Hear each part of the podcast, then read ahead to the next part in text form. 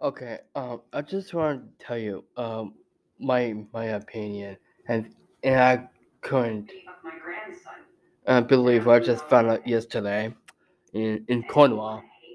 Uh, I know many of you don't accept uh, Trudeau uh, to win the general e- election, and I get it, you don't support Trudeau, but for me, I always vote for Trudeau because he deserves to win.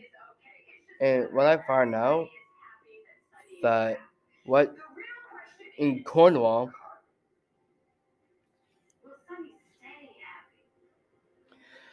I just want to tell you this.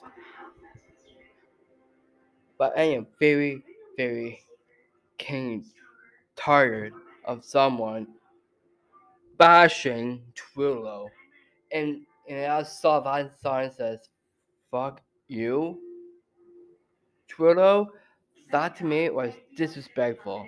And I hope someone in Cornwall to take to take that bad sign down. And I don't like that sign. Take that sign down. Please, anyone. And- Because to me, it was very disrespectful.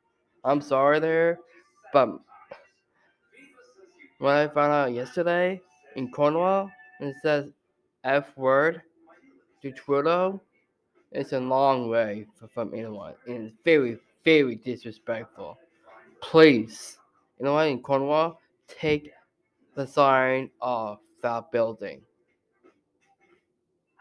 Please.